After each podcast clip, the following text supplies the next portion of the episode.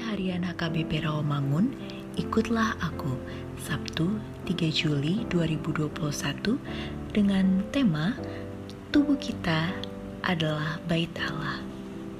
Bacaan kita pagi ini tertulis dalam Yeremia 7 ayat 27 sampai 34 dan bacaan kita malam ini tertulis dalam Matius 8 ayat 18 sampai 22.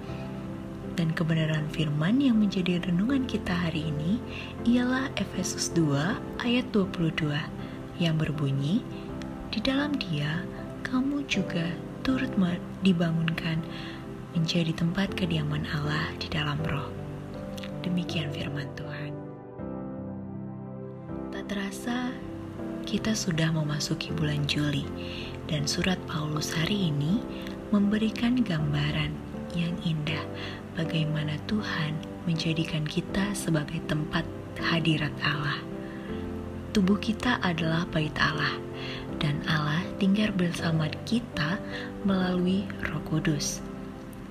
Sebagai tempat kediaman Allah, kita dapat memuji dan menyembah Dia kapan saja dan di mana pun kita berada.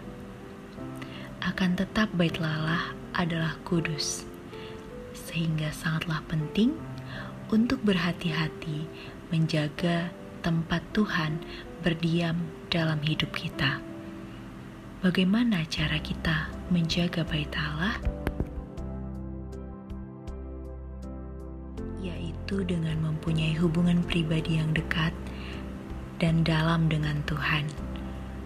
Ada empat hal yang harus kita lakukan untuk membangun hubungan yang dekat dan dalam bersama Tuhan. Pertama, luangkanlah waktu bersama Tuhan melalui doa dan membaca firman-Nya setiap hari. Kedua, dengarkanlah surat Tuhan dan taatilah firman-Nya. Siapa yang mengasihi Tuhan akan menuruti firman-Nya. Ketiga, belajarlah untuk bergantung pada Tuhan.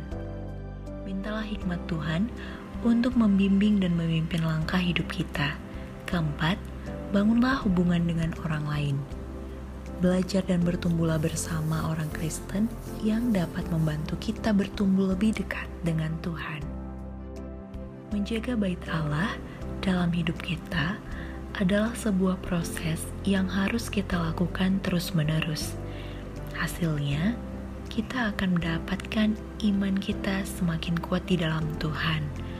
Ketika dapat merasakan damai sejahtera dan sukacita, serta mampu bersyukur dengan apa pun yang terjadi dalam kehidupan kita.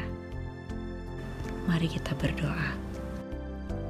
Tuhan Yesus, beri kami kekuatan untuk dapat menjaga tubuh kami sebagai bait-Mu yang suci untuk kemuliaan namamu. Amin.